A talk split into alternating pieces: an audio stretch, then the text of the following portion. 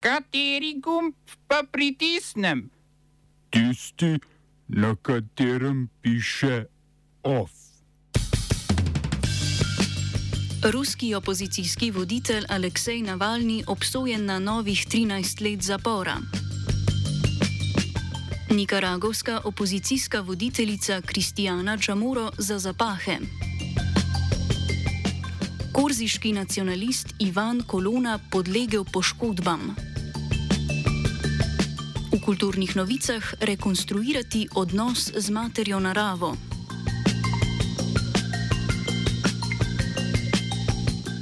Moskovsko okrožno sodišče v okrožju Lefortovo je ruskega opozicijskega voditelja Alekseja Navalnega danes obsodilo na dodatnih devet let, ki jih bo odsedel v strožjem zaporu. Glavnega političnega nasprotnika predsednika Vladimirja Putina, ki v kazanski koloniji trenutno prestaja zaporno kazen zaradi še ene domnevne korupcijske afere iz leta 2014, so tokrat spoznali za krivega finančnih goljufij. Navalni naj bi prek svoje organizacije Navalnijev protikorupcijski sklad, ki jo je ustanovil s kolegoma Leonidom Volkovom in Romano Rubanovom, utajil za okrog 12 tisoč evrov donacijskih sredstev. Ta naj bi porabil za spodbujanje ekstremizma in osebne potrebe. Obsodba sicer še ni pravnomočna, saj se obramba na njo še lahko pritoži. Navalni je bil po povratku zdravljena v Nemčiji zaradi domnevne zastrupitve s trupom. Novičok januarja lani ponovno priprt na moskovskem letovišču Šemertejevo in na to zaprt, saj naj bi se med odsotnostjo izogibal obveznemu dvotedenskemu javljanju ruski pravosodni policiji.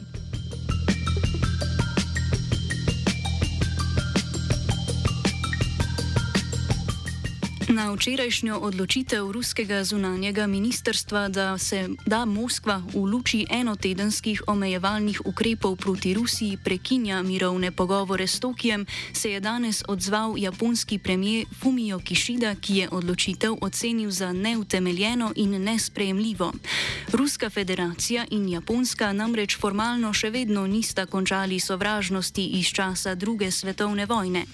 Predmet spora so Kurilski otoki v severni Severnem Kitajskem morju, ki si jih oboji lastijo, Japonska pa noče priznati ruske suverenosti nad njimi. Sovjetska armada jih je zasedla v zadnjih dneh druge svetovne vojne. Japonska, ki je članica skupine G7, se je zahodnim sankcijam, ki vključujejo ukrepe proti ruskim finančnim ustanovam in ruskemu izvozu, pridružila 7. marca.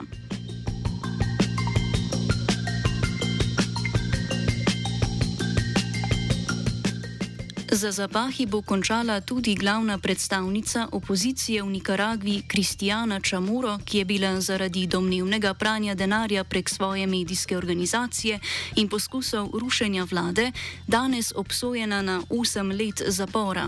Čamuro je sicer v hišnem priporu že od junija lani, zaradi česar ni mogla sodelovati na novembrskih predsedniških volitvah. Predsednik Dani Daniel Ortega, član Sandinistične nacionalne osvobodilne fronte in nekdanji gverilec, ki je na oblasti od leta 2007, je bil tako izvoljen že četrtič zapored. Čamuro so poleg zaporne kazni dosodili tudi finančno kazen v vrednosti več milijonov dolarjev, ki jo bo morala doživljensko odsedeti, če je ne bo zmožna plačati. Čamuro, sicer hčerka nekdanje predsednice Violete Barrios de Čamuro je ena od sedmih potencijalnih predsedniških kandidatov, ki so bili lani aretirani zaradi domnevnih napadov na nacionalno integriteto.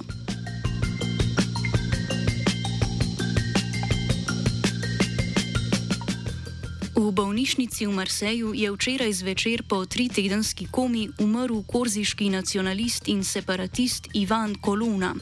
Podlegel je poškodbam, ki mu jih je zadal sojetnik v zaporu v južno-francoskem Arlu, kjer je 61-letni kolona prestajal dosmrtno zaporno kazen zaradi umora korziškega prefekta Kloda Enrikaja leta 1998.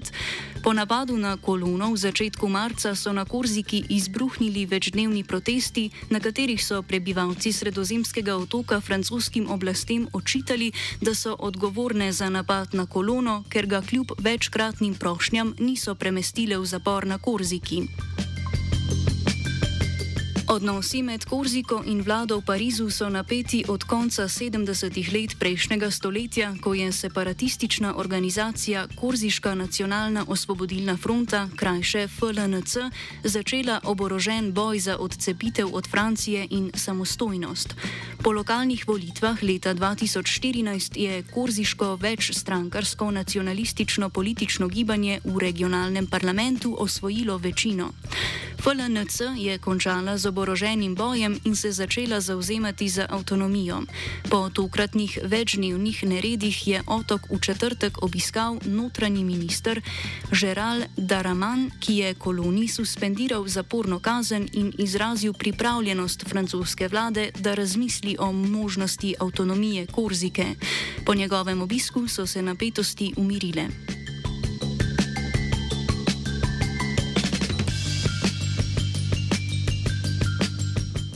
Voditelj albanske opozicijske demokratske stranke Luzim Baša je na včerajšnjem strankarskem kongresu oznanil, da bo odstopil z mesta predsednika. Odločitev je sprejel potem, ko je na umestnih lokalnih volitvah 6. marca separatistično krilo stranke v Skadru in petih drugih manjših mestih dobilo več glasov kot kandidati koalicijske socialistične stranke. Separatistično krilo, ki se je leta 2013 odcepilo od urada, uradne liniji, linije stranke vodi Bašev mentor in nekdani predsednik Sali Beriša. Demokratska stranka je bila po volitvah priča množičnim prestopom v njenem, njen separatistični del. Baša in Beriša sta bila sicer v dobrih odnosih vse do septembra lani, ko je Baša svojega političnega mentorja na prigovarjanje ZDA izključil iz stranke. ZDA so lani Berišo označile za persono non grata zaradi domnevne koruptivnosti, nepravilnega prilaščanja javnih sredstev in umešavanja v javne procese. Oba, če, če bom odgovoril na angliški.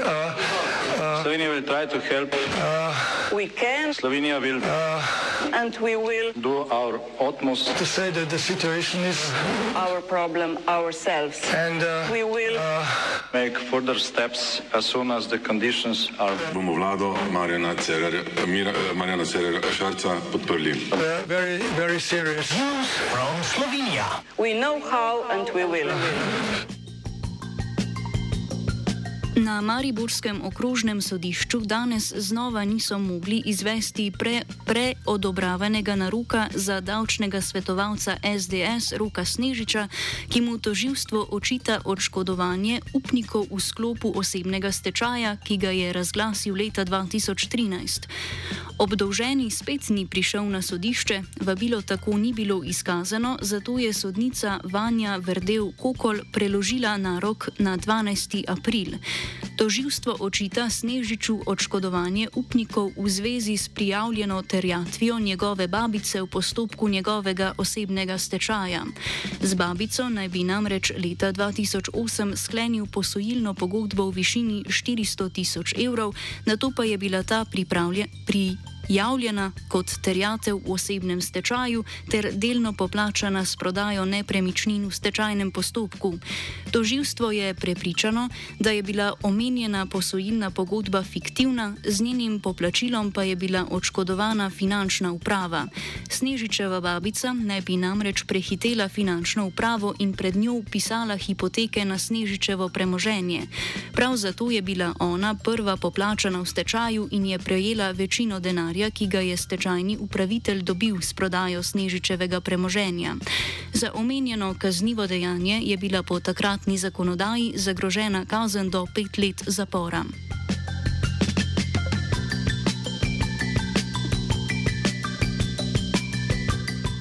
Odbor državnega zbora za finance je danes z 11 glasovi za in 8 proti podprl predlog zakona o preprečevanju pranja denarja in financiranja terorizma.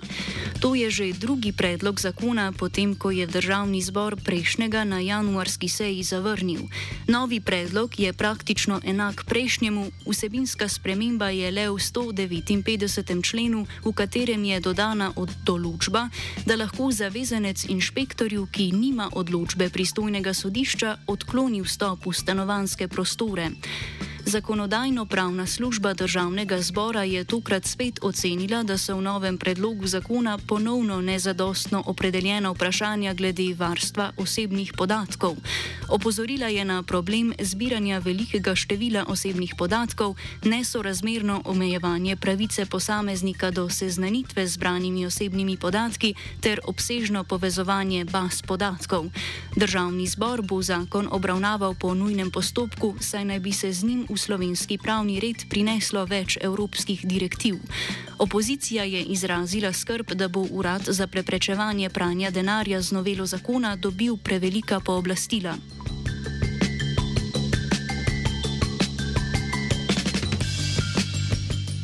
Danes je začela veljati novela zakona o dohodnini, ki prinaša razbremenitev pri obdavčitvi plač in kapitala in jo je državni zbor potrdil 11. marca letos. V skladu z novelo splošna dokoninska olajšava za leto 2022 znaša 4500 evrov, kar je 1000 evrov več kot doslej. S tem bodo nekoliko više plače vseh zaposlenih. Poleg koalicijskih strank so novelo podprle tudi delodajalske organizacije, nasprotujejo pa ji v opoziciji in v sindikalnih organizacijah. Predsednik Konfederacije sindikatov javnega sektorja in glavni tajnik sindikatov vzgoje, izobraževanja, znanosti in kulture Branimir Štrukal trdi, da sindikat nikakor ne nasprotuje zvišanju plač, očitki oblasti pa naj bi služili zgolj opravičevanju vladne novele. Prvo je, da se zmanjšujejo sredstva v proračunu in da vlada ni znala jasno odgovoriti, kje bomo ta sredstva dobili. In zdaj, če uh, uh, vzamete uh, javne uslužbenke in uslužbence, učitelje, ne, uh, ki uh, se naše plače napajajo iz proračuna, ne, potem se uh, seveda mi upravičeno sprašujemo, ali so te plače zagotovljene in kako visoke bojo kljub tem, uh, bom rekel, dost uh, uh, nebistvenim uh, zvišanjem neto. Uh, neto. Problem novele naj bi bil predvsem to, da razbremenjuje tiste z najvišjimi dohodki, zaposlenim v drugih dohodkovnih razredih pa plač ne zvišuje sorazmerno. Znižene obremenitve, a ne uh, izrazito neenako razporojene, da v največji meri razbremenjujejo bogate in to po večjih, po večjih linijah. Kot veste, se jim znižuje dohodninska osnova iz 50 odstotkov na 45, kar je znatno znižanje, ki se tiče izključno zgolj elite. Drugič se znižujejo uh, kap, uh, uh, uh, torej davek na kapitalske dobičke, ne delavstvo nima delnic, ne kakršnikoli drugih vrednostnih papirov, ampak ima spet samo tisti, ki lahko nakupujejo to, ne, tudi tukaj se jim uh, uh, izrazito olajšuje ta položaj. In tretjič ne, je pri oddaji Eh, pri obdavčitvi najemnin za stanovanja, ne, uh, ki seveda vdajajo tisti, ki imajo dodatno premoženje, spet elita. Vnovič se uvaja tudi seniorska olajšava za starejše od 70 let v višini 1500 evrov, ugodnejša bo davčna obravnava nagrad za poslovno uspešnost. Te bodo po novem neobdavčene do višine 100 odstotkov povprečne plače zaposlenega v zadnjih 12 mesecih in ne bo ne več do višine povprečne plače vseh zaposlenih v državi. Nagrade pa bo lahko delodajalec izplačeval tudi v ugodnostih, ne zgolj monetarno. OF je pripravil vajenec Fin, mentoriral je Dugi.